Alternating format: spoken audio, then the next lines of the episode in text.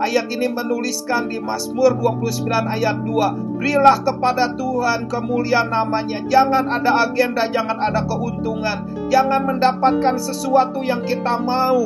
Tetapi Alkitab berkata, berilah kepada Tuhan kemuliaan namanya. Itu satu pelajaran supaya kita semua melakukan penyembahan dalam level peperangan berilah kepada Tuhan kemuliaan namanya. Jangan ada agenda, jangan ada kepentingan tersembunyi, terselubung ketika kita menyembah Tuhan. Jangan ada keinginan-keinginan yang merusak segala sesuatu.